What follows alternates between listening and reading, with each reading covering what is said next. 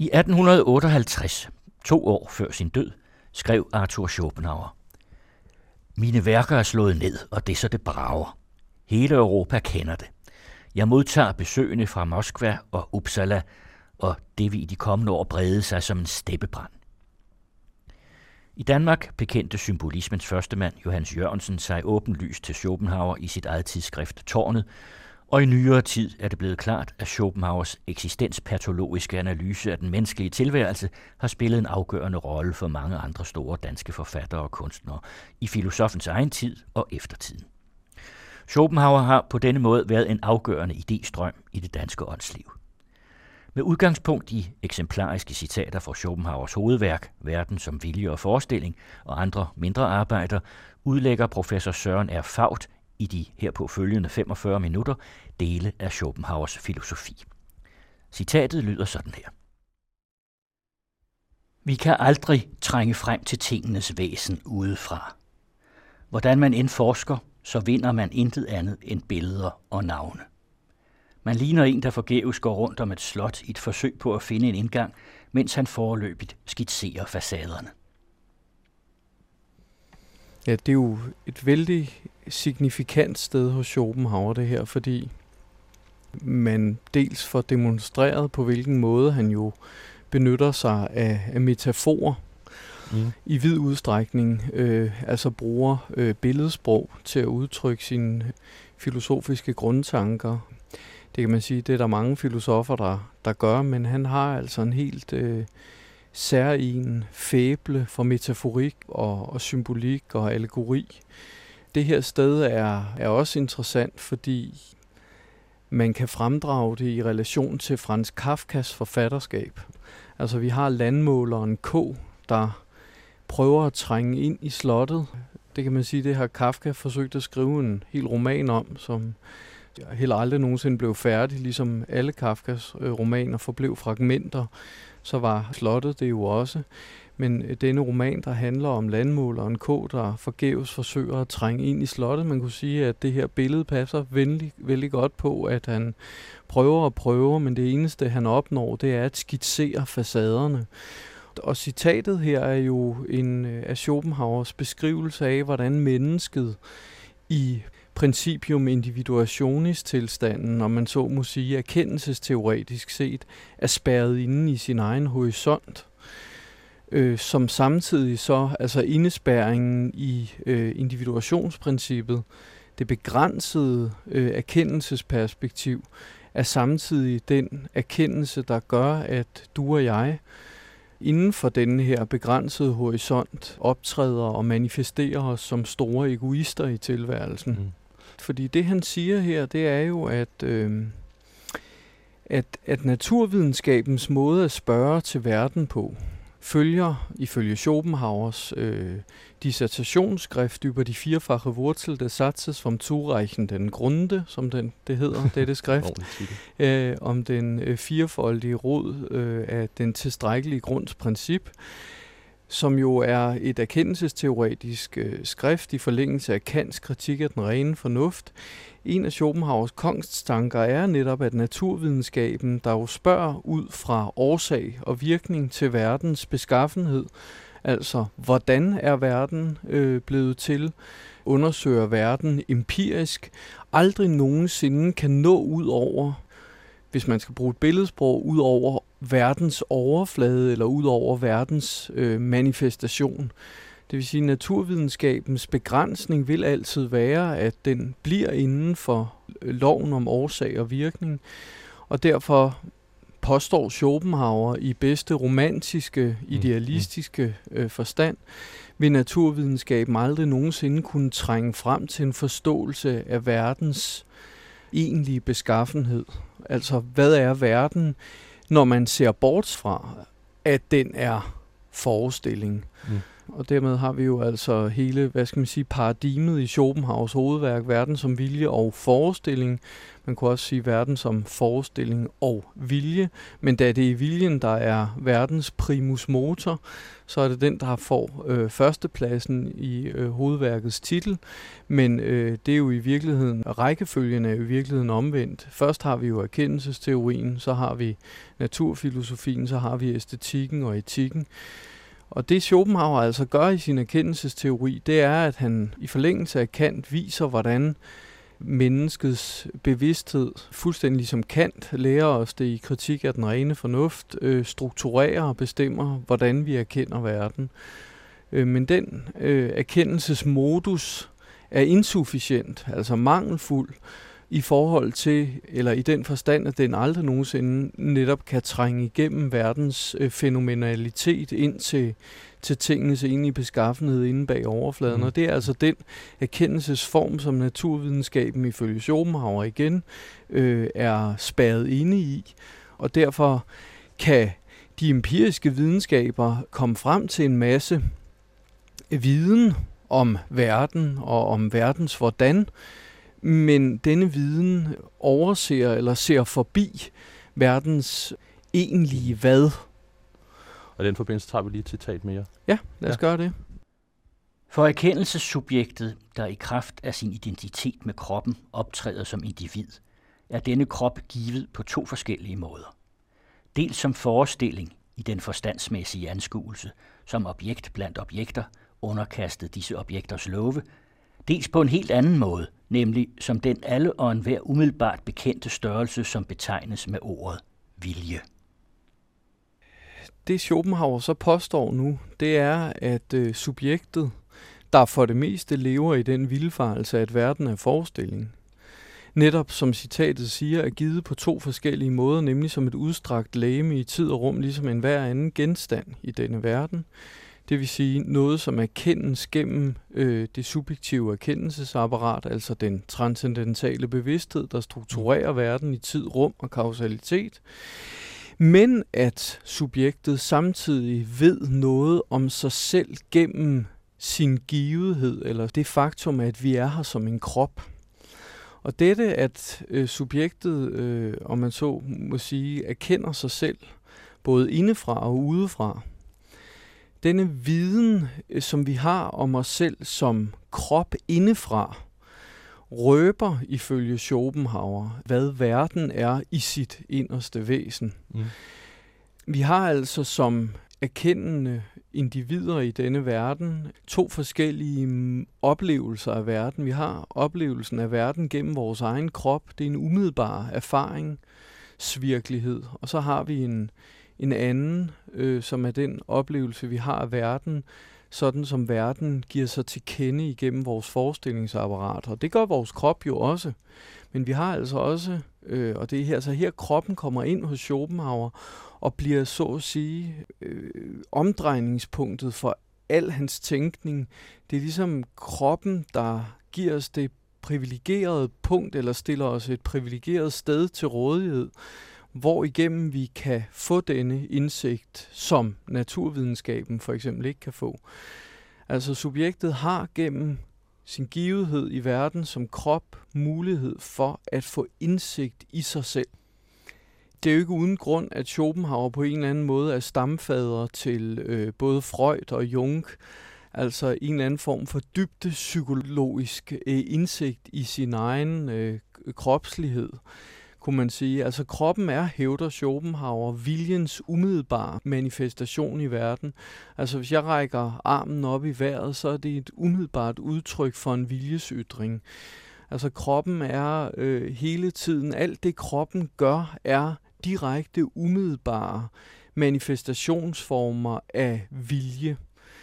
Og derfor, øh, siger Schopenhauer, vi har to muligheder for at erkende. Vi kan enten gå ud i verden til tingene, det er det, naturvidenskaben gør. Den går hele tiden ud. Den kan gå derud igennem et mikroskop. Den kan gå derud på mange måder, men den går hele tiden ud i verden, i forestillingsverdenen. Og derude kan den ikke andet, som vi lige har hørt det i det første citat, end at skitsere facaderne. Men vi har altså også denne anden mulighed. Og den er, at vi kan gå ind igennem en erkendelse, en umiddelbar, intuitiv erkendelse af os selv som vildende organisme. Og denne introspektion, den fører os direkte ind i slottet. Problemet er, kan man sige, at øh, mennesket for det meste næsten altid er spærret inde i individuationsprincippet og forestillingsverdenen. Vi kan jo ikke bare sådan suspendere vores erkendelsesapparat. Og det bliver jo også øh, meget vanskeligt det hele, kan man sige, fordi hvad er det så, vi erkender introspektivt? Mm. Er det så verden, som den er i sig selv, uafhængigt af vores erkendelse? Det kan det jo ikke være. Vi er jo stadigvæk dette erkendende subjekt for for hvem et eller andet manifesterer sig, nemlig en vilje til at gøre dette eller hint. Øh, og der er det jo, at Schopenhauer, som jo hævder, at viljen er Kants ting i sig selv, samtidig med, at han ikke forsømmer nogen lejligheder til blandt andet i breve, at øh, understrege, at det har han aldrig nogensinde sagt noget om, at viljen er Kants ting i sig selv.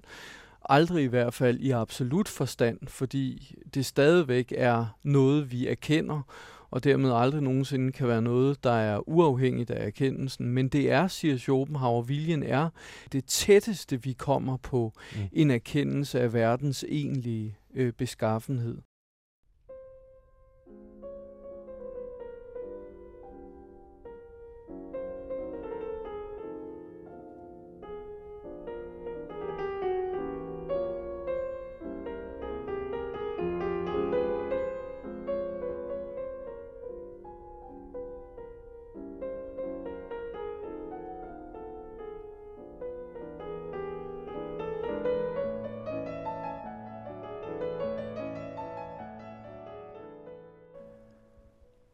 Derfor må tingen i sig selv nødvendigvis, hvis man alligevel skal forestille sig den objektivt, låne navn og begreb fra et objekt, fra noget, der på en eller anden måde er givet objektivt, ergo fra en af sine fremtrædelser. Men denne fremtrædelse må for at kunne tjene som orienteringspunkt for forståelsen ikke være andet end den mest fuldkommende blandt alle dens fremtrædelser, det vil sige den mest tydelige, den mest udfoldede, som er umiddelbart belyst af erkendelsen – men det er netop menneskets vilje. Det er lige præcis det, jeg forsøgte at, at, at sige.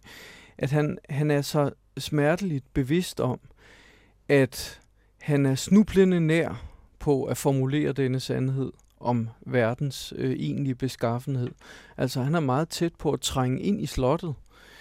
Men han har kun én mulighed for at øh, i talesætte denne sandhed, og det er ved jo at betjene sig af det, som vi to betjener os af lige nu, øh, nemlig sproget. Og det er jo øh, EU ipso en abstraktion. Og lige så snart, at vi sprogliggør noget, som vi intuitivt og umiddelbart har erfaret, så fjerner vi jo allerede denne erfaring. Vi rykker den så at sige ud af den umiddelbare erfaring og øh, gør den til en genstand for, for vores italesatte erkendelse. Og alt, hvad der er erkendt og formuleret gennem øh, begreber, kan aldrig nogensinde være verdens beskaffenhed, sådan som denne verdens beskaffenhed er uafhængigt af vores erkendelse. Det siger sig selv. Mm. Men Schopenhauer, på trods af alle disse forbehold, hævder jo stadigvæk, at han med dette begreb, viljen, er kommet uhyre tæt på at formulere en sandhed om verden, som vi i dag blot kan smile af, for vi vil jo ikke formulere nogen sandheder om verden i metafysisk forstand.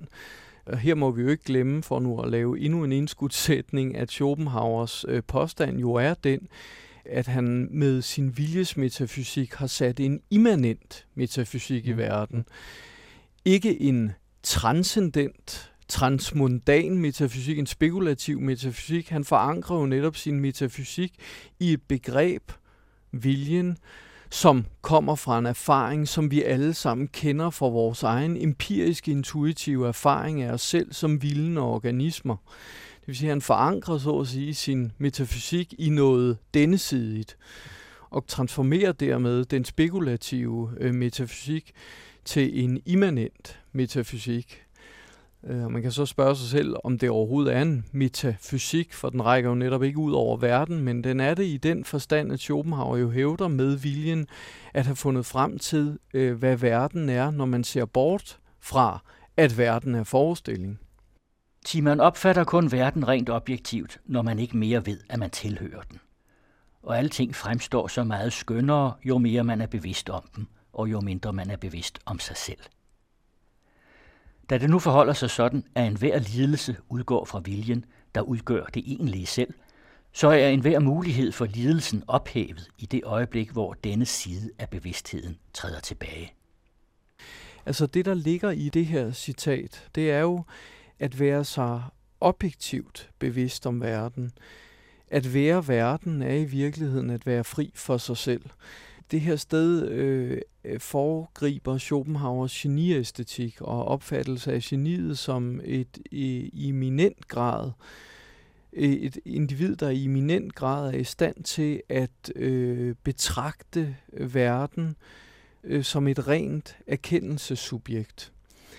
Og det her citat lægger det jo også op til etikken, fordi man kan sige, at øh, den etiske handling er i virkeligheden øh, udtryk for det samme, nemlig at dette for det meste i sig selv indespærrede erkendelsessubjekt eller øh, individ, som er fanget i forestillingsverdenens tid, rum og kausalitet, pludselig intuitivt eller gennem udefrakommende øh, hændelser i livet, kan komme til denne indsigt i verdens egentlige beskaffenhed. Og i det øjeblik, hvor det sker, kan der altså indfinde sig en form for eskatologi, soteriologi, som Schopenhauer kalder det, altså en, et omslag i erkendelsen, som gør, at skranken mellem dig og mig bliver elimineret.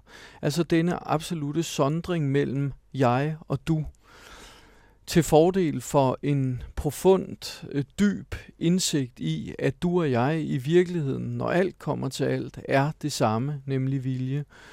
Men, men netop lige for at se det her citat, så snakker også om lidelsen. Lige præcis.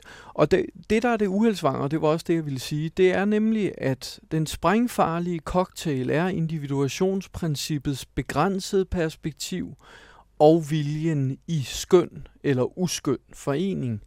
Fordi det, der sker, det er, at vi jo nu spærret inde i vores egen begrænsede horisont, er fuldt udrustet med denne hæmningsløse kraft og drift, der vil alt og vil have alt, og aldrig nogensinde bliver mæt.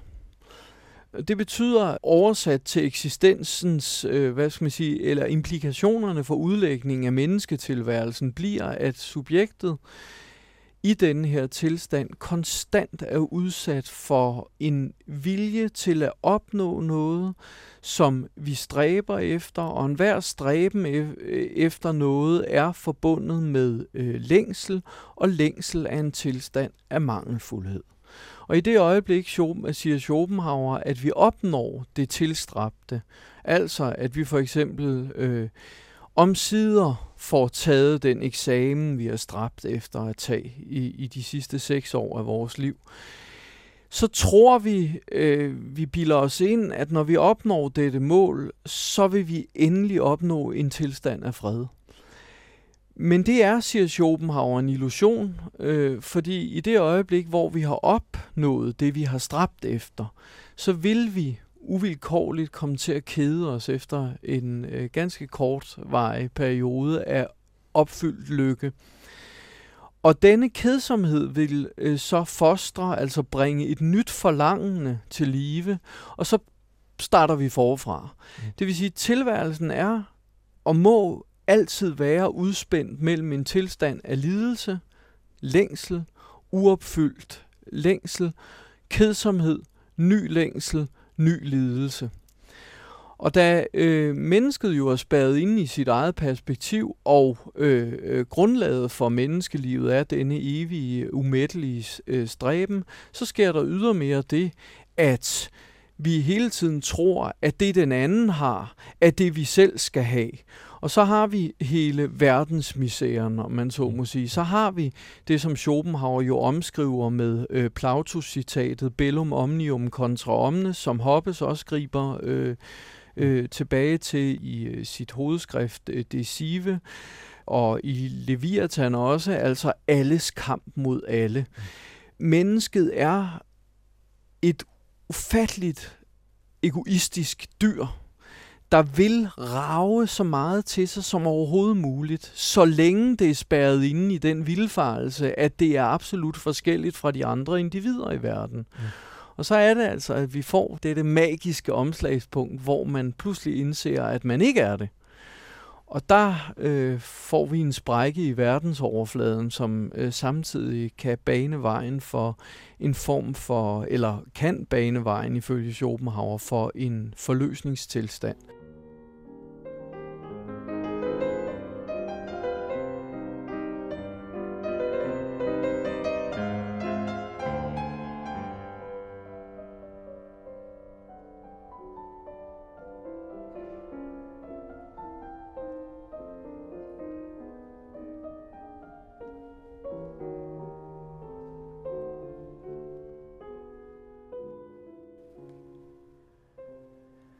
Jeg vil fremover med et udtryk, der stammer fra den gamle egentlige skolastik, kalde tid og rum for principium individuationis, hvilket jeg beder læseren om en gang for alle at bide mærke i. For det er alene i kraft af tid og rum, at det, der i dets væsen og begrebsmæssigt set er det samme, fremtræder som mangfoldighed ved siden af og efter hinanden etisk set er det jo lige præcis det her, der er problemet, ikke? At verden fremstår i sin mangfoldighed. Her er ikke mangfoldighed i betydning multikulturalisme og andre former for eksotiske vederkvælelser ved tilværelsen, men i betydningen, at vi lever i en vildfarelse om, at alting er forskelligt fra os selv. Mm. Alt er, er splittet op, kunne man sige, i kraft af vores erkendelsesapparat. Og også... deraf spliden i verden jo, det er i krigen, den permanente krigstilstand. Øh, Schopenhauer ville sige, ja ja, øh, blot fordi vi her i, i, i Danmark er nu 2014 lever i en tilstand af tilsyneladende fred, så er der overalt, hvorhen man vender sit blik, krig. Man kan bare tage en hvilken som helst dansk arbejdsplads og gøre den til et lille mikrokosmos, der anskueliggør, at mennesket altid vil forsøge at rave til sig vil forsøge på bekostning af næsten at opnå noget, status, anerkendelse, en højere løn osv. osv. Så Schopenhauer vil aldrig nogensinde, altså tror jeg, gå med til at indrømme, at fredstid er et eksempel eller et modbevis på hans teori om, at mennesket lever i denne permanente tilstand af ufred. Ufreden kan manifestere sig på mange forskellige måder den manifesterer sig i, i det daglige, vil Schopenhauer sige, i et hvert ægteskab, hvor øh, ægtefæller forsøger at øh, erobre områder fra hinanden mm. i relationen mellem forældre og børn øh, som en konflikt, primært en konfliktsituation, vil Schopenhauer sige, er jeg sikker på. Nu har han ikke skrevet så meget om det, men jeg er ikke i tvivl om, at han vil udlægge selv det allermest dagligdags, det harmløse møde mellem to mennesker i horisonten af denne vildfarelse, altså at vi splitter verden op mm. i dig og mig. Han siger jo med, den, øh, med, med franskmanden øh, Gobineau om øh, mennesket, l'homme méchant animal, altså mennesket er det ondeste af alle dyr. Og det begrunder han jo med, at mennesket er i kraft af sin fornuft, hvilket jo er menneskets fortrin, kunne man sige. Det, der gør os i stand til at være noget andet end dyr siger Schopenhauer, at i kraft af denne fornuft er mennesket øh, det øh, animal méchant, der er i stand til at smide rænker, udtænke sig nederdrægtigheder, som intet dyr kan komme på. Og på den måde er Schopenhauers måde at tænke verden på evigt aktuel, fordi man kan, man kan sige, at han også øh, i sin øh, tænkning har indbygget en meget skarp og, og hvad skal man sige, fremtidssikker kritik af den instrumentelle fornuft, og har et meget skarpt blik på, eller for, at øh, denne instrumentelle fornuft, eller fornuften i det hele taget, har det med at slå dialektisk om i sin egen modsætning og blive til ufornuft. Altså at dette fortrin ved os to, at vi er fornuftborgende kreaturer, samtidig er det, der muliggør, at, øh, at vi ødelægger øh, den planet, vi bor på, og at mennesket, ikke vi to, men at mennesket er det væsen, der har været, øh, der har opfundet og har udvirket det teknologiske fremskridt, og det teknologiske fremskridt er samtidig forudsætningen, mulighedsbetingelsen for verdens destruktion. Altså, det har han et meget, meget stærkt øh, blik for. Så øh, fornuften for det meste i denne øh, normaltilstand blot er et instrument eller et redskab i hænderne på en øh, altædende, egoistisk, øh, driftsstyret øh, kraft i os, der hedder viljen, så, øh, ja, så, så bruger mennesket fornuften, som Schopenhauer siger. Fornuften er blot et lys, viljen har tændt i verden for at kunne orientere sig. Altså en, en lommelygte i hænderne på denne vilje, der har brug for et eller andet, den kan se igennem. Fornuften er altså dermed degraderet til et, et rent redskab i hænderne på noget meget irrationelt, og samtidig så hævder Schopenhauer altså, at der findes dette omslagspunkt, eller muligheden for et omslag, som får karakter af noget omstyrtende for vores liv, hvor fornuften pludseligt intuitivt kan frigøre sig fra denne slavetjeneste og se klart igennem verdens slør, og dermed vende sig bort fra verden mm. og frasige sig verden. Og nu, nu, nu bliver det mystisk, ikke? fordi, fordi hvad er det så? Man kan sige, at den eneste redning og det eneste håb for verden, det er så at sige, at dette individ, der har fået indsigt i verdens egentlige beskaffenhed, vender sig bort fra verden. Og der må de fleste vel stå af, ikke? fordi ja, altså, hvad betyder det så konkret? Det, det tror jeg måske heller ikke, han selv kan svare på. Han bruger jo metaforer for det, som buddhisternes nirvana, og mm-hmm. at der opstår en indre fred i det subjekt, for hvem denne erkendelse har indfundet sig. Øh, han øh, trækker paralleller til munke, til helgenskikkelser i kristendommen, ja, og, ja. og trækker i det hele taget på en masse forskellige ting for at omskrive det. Det vil jeg meget gerne vende tilbage til. Mm-hmm. Vi mhm. tager lige i forbindelse med det med selve en omstyrtende situation, så tager vi lige citat mere. Ja. Han viser gennem sin måde at handle på, at han genkender sit eget væsen, nemlig viljen til livet som ting i sig selv, også i den fremmede fremtrædelse, som blot fremstår for ham som forestilling. Han genfinder med andre ord til en vis grad sig selv i den anden. Netop i denne grad gennemskuer han principium individuationis, Majas slør, og i den forstand sidestiller han den andens væsen med sit eget. Det er meget vigtigt, tror jeg, hvis man skal forstå Schopenhauers etik, at forstå, at Schopenhauers etik ikke er en etik. Det er en ikke-etik. Det er i hvert fald ikke en etik, der opstiller noget burde. Altså, her har vi ikke at gøre med et forsøg på at anvise mennesket noget som helst, altså det gode liv eller vejen til retskaffenhed. Øh, det sidste Schopenhauer vil er at opstille et øh, katalog af FN's menneskerettigheder. Fordi hele pointen er, at det kan man godt gøre, men hvad hjælper det, når mennesket ikke er sådan, vil Schopenhauer sige. Vi kan have alle mulige etiske regelsæt og anvisninger. Vi kan deducere os logisk frem til, hvad der ville være det rigtige at gøre i denne eller hin situation. Men hvad hjælper det, igen, ville Schopenhauer sige, når mennesket gang på gang demonstrerer, at det ikke kan overholde disse regler. Og alligevel må vi have en retsstat. Af netop den grund bliver vi nødt til at have en retsstat, fordi mennesket er dette bestialske væsen, øh, der kan udrette så meget skade, så bliver vi nødt til at dæmme op for det øh, igennem et, øh, et retssamfund. Hvad er hans etik så, hvis ikke den er et forsøg på at opstille et burde, eller et forsøg på at demonstrere, at mennesket er et fornuftsborgen individ, og, og, og i kraft af dette øh, fornuft altså er i stand til at overvinde det egoistiske? Ja, det er det, man kunne kalde måske en deskription, en udlægning af menneskets faktiske handlinger i verden. Derfor består hele fjerde bog af Verden som vilje og forestilling jo også primært i en lang beskrivelse af tilværelsen som denne lidelsesfulde tilstand. Altså to tredjedele af etikken er en beskrivelse af misæren, altså en øh, diagnose af sygdommen.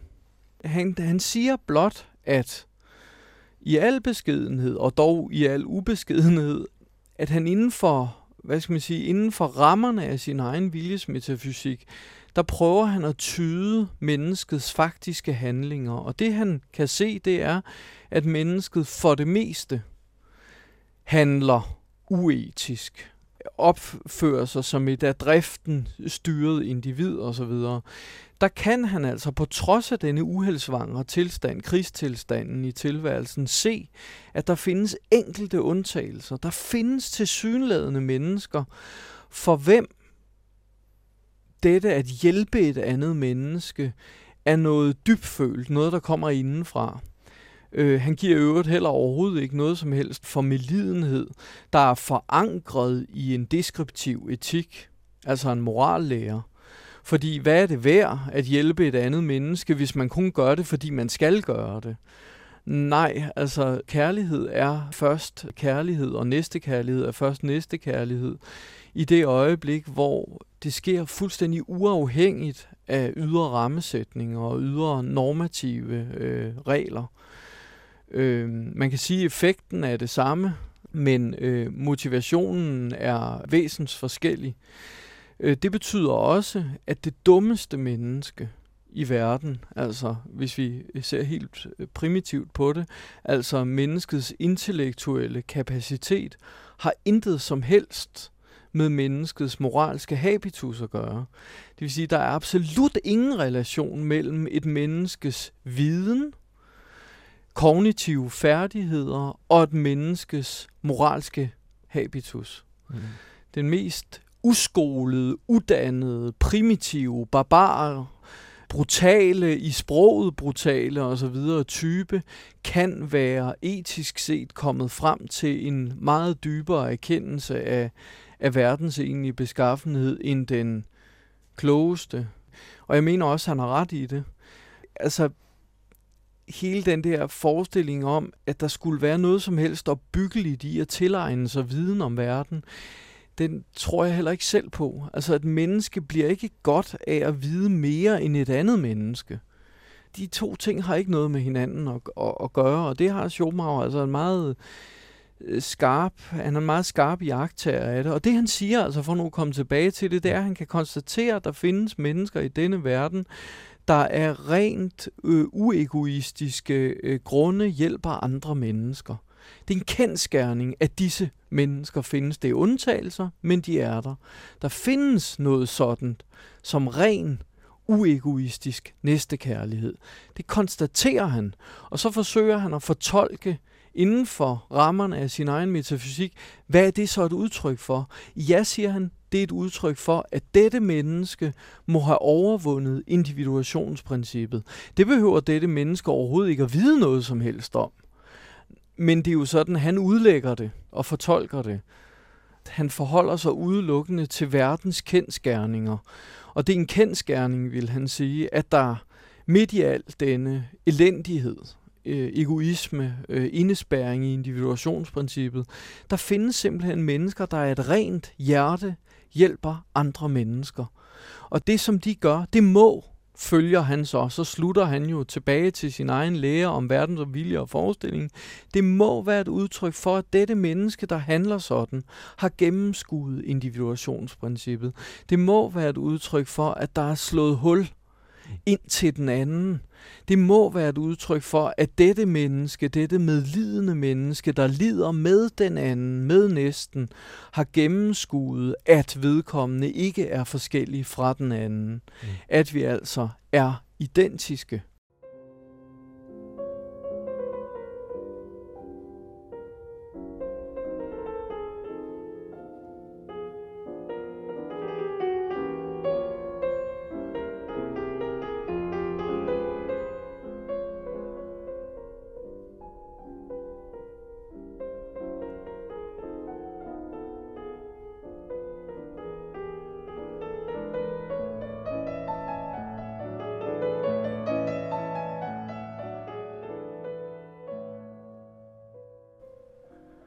Hvis vi sammenligner livet med en cirkelformet bane bestående af glødende kul med nogle få kølige steder, en bane, som vi uafladeligt er tvunget til at gennemløbe, så finder det menneske, som er hildet i illusionen, trøst i det kølige sted, han netop nu befinder sig på. Han fortsætter med at gennemløbe banen. Det menneske, som derimod har gennemskuet principium individuationis, og som erkender tingenes væsen, som det er i sig selv, er ikke længere modtagelig for en sådan trøst. Det ser sig selv som værende alle steder simultant og træder ud af banen. Hans vilje vender sig, bekræfter ikke længere sit eget væsen, som spejler sig i fremtrædelsen, men fornægter det. Det fænomen, hvor igennem dette giver sig til kende, er overgangen fra dyden til askesen. For det meste er vi bare på vej igennem denne cirkel. Vi løber på glødende kul, og så er der få steder, hvor der er øh, køligt, og hvor vi kan hvor der er svalt, og hvor man kan hvile sig, og så kommer kedsomheden, og så starter vi igen på de glødende kul. Evige øh, cirkelbane, kunne man sige. Men der findes jo, som citatet øh, siger, der findes mennesker, som uden at de nødvendigvis ved det, så øh, har de til synlædende overvundet verden. De har overvundet det her. Øh, de, de, de, de er et andet sted, kunne man sige. De hviler i sig selv. De er i en tilstand af, af indre ro og fred, fordi de har indset, at denne stræben, denne permanente vilden noget nyt, er en illusion. Og det kan så blandt andet komme til udtryk ved, at disse mennesker, øh, som, som har set, hvordan tingene egentlig hænger sammen, at de også hjælper andre, altså uennyttigt, øh, hele tiden tilsidesætter sig selv for den anden, kunne man sige. Mm. Fordi dette med at sætte sig selv til side for den anden, lige præcis er et udslag, eller et udtryk for, at den erkendelse har indfundet sig. Og den erkendelse kan altså være så omstyrtende, så omsiggribende, at den kan føre til, at viljen vender sig mod sig selv i mennesket. Altså at mennesket forsager verden med et, øh, altså hvis man skal udtrykke det inden for en kristen øh, sprogbrug, øh, forsagelse, askese, øh, øh, Tyre Schopenhauer jo også til, som vi øh, lige har hørt, Øh, nirvana øh, bruger han som en, et, en anden metafor, kunne man også sige, for, for det han forsøger at beskrive, mm. og som han også, øh, eller som han selv kalder for fornægtelsen af viljen til liv. Pointen er, at der er ikke nogen lære i det. Der er ikke noget med, at vi to heller ved at læse verden som vilje og forestilling, kan få denne indsigt. Ja, det kan godt være, at vi kognitivt set kan tilegne os den tydning af verden, som han har foræret os. Men det betyder ikke nødvendigvis, eller det gør det øh, sandsynligvis slet ikke, at det så afstedkommer den transformation af bevidstheden, øh, der gør, at vi forsager verden, eller, eller bliver viljesfornægtere. Altså de, de øh, få, øh, om man så må sige, vise mennesker, der findes her på kloden, de har jo ikke nødvendigvis læst Schopenhauers hovedværk, de vælter altså ville en forestilling. Så det er vigtigt hele tiden at pointere, at vi skal ingenting her, udover at vi har en filosof, der kommer og påstår, og den kan vi så tage, eller vi kan lade være, eller vi kan acceptere det, eller vi kan afvise det, at han er meget tæt på at have udlagt den her verden adekvat. Han er meget tæt på at have sagt sandheden om, hvordan tingene hænger sammen. Det har vi mulighed for at tilegne os og tage stilling til osv. Mm, og jeg vil da heller ikke udelukke, at hans øh, værk kan udløse, øh, ud over en kaskade af, af selvindsigt og indsigt i verdens beskaffenhed, i sjældne tilfælde kan føre til, at der er nogen, der ligefrem vender sig bort fra tilværelsen, men jeg ved så ikke, om, om, om, om det ville være en... Altså, øh, jeg tror hele tiden, at Schopenhauer, hvis han havde mulighed for at tale med her ved dette bord, ville sige, jamen vi skal ikke noget med det her. Jeg vil blot forklare, udlægge og fortolke. Jeg anviser ikke nogen vej. Øh, dette er ikke i den forstand visdomslærer, hvor jeg forærer øh, min læser øh, vejen til indsigt og erkendelse. Øh, Schopenhauer hører ikke til i øh, afdelingen af esoterik, Altså der, hvor man går hen under selvhjælpsbøger og, og tager en bog ned fra hylden, fordi bogen, hvor, hvor bogen også samtidig fortæller en, at nu vil denne bog føre til, at man ændrer sit syn på verden og dermed får et bedre liv og finder frem til indre ro og, og, og salighed og tilfredshed osv. Det vil Schopenhauer øh, frabe sig.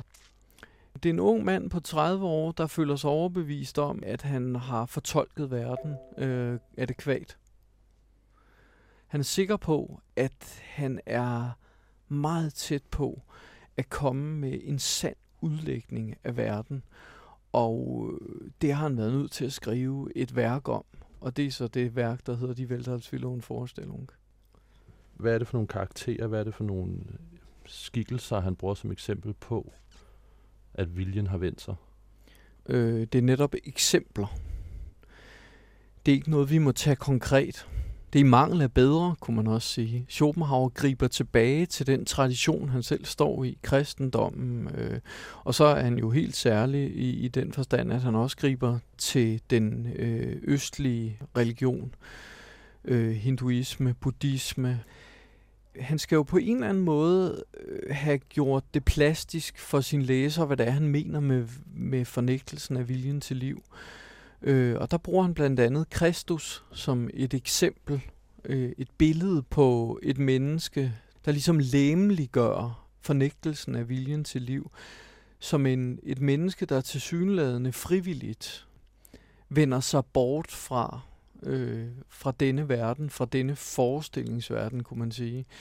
Andre øh, helgenskikkelser, for eksempel fra den kristne ånds- og idehistorie, griber han tilbage til Frans af Assisi, og altså, der er jo sådan en hel perlerække af asketer, han nævner som eksempler igen på folk, der til synlædende er kommet frem til denne her tilstand. Den fred, som er højere end al fornuft, sindets fuldstændige havblik, den dybe ro. Som jeg er sikker på, at Schopenhauer ikke selv kendte, kun i ganske få øjeblikke. Uh, han var en stor uh, udøver og elsker af musik. Jeg tror, at han kendte denne tilstand, dette havblik, denne indre ro fra, fra æstetisk kontemplation. Det tror jeg helt bestemt, han gjorde. Men udover det var han jo berømt for at være en frygtelig hissigprop, der kom i splid med sine omgivelser hele tiden. Jeg tror, at han var på mange måder selv et godt eksempel på mennesket, som bliver drevet rundt i managen af, af denne her umættelige drift. Øh, ja, han har sagt, hvordan skal jeg kunne fortsætte citatet selv, for det kan jeg ikke. Altså, vi er ude i et forsøg på at beskrive en tilstand af evig indre fred og salighed og ro, og, og, og dermed er vi kommet til et punkt, øh, hvor sproget hører op. Øhm, første bind af Verden som vilje og forestilling slutter jo også med ordet intet. Og man kan med fordel øh, trække Wittgenstein ind i manesien her og sige, at, øh, at det egentlig alt det, som om, om alt det, vi ikke kan tale om, om det øh, bør vi tige. Øh, det skal man måske ikke nødvendigvis fortolke religiøst, mystisk. Det skal man sikkert ikke. Men man kan gøre det og så sige, at, øh, at det egentlig, den bevidsthed, der her taler om, denne salighed, det er en tom side. Det er sprogløshed. Det er tavshed. Der er ikke øh, ord overflødige. Vi kan ikke omskrive det. Øh, det, det. Det er ingenting. Det er intet.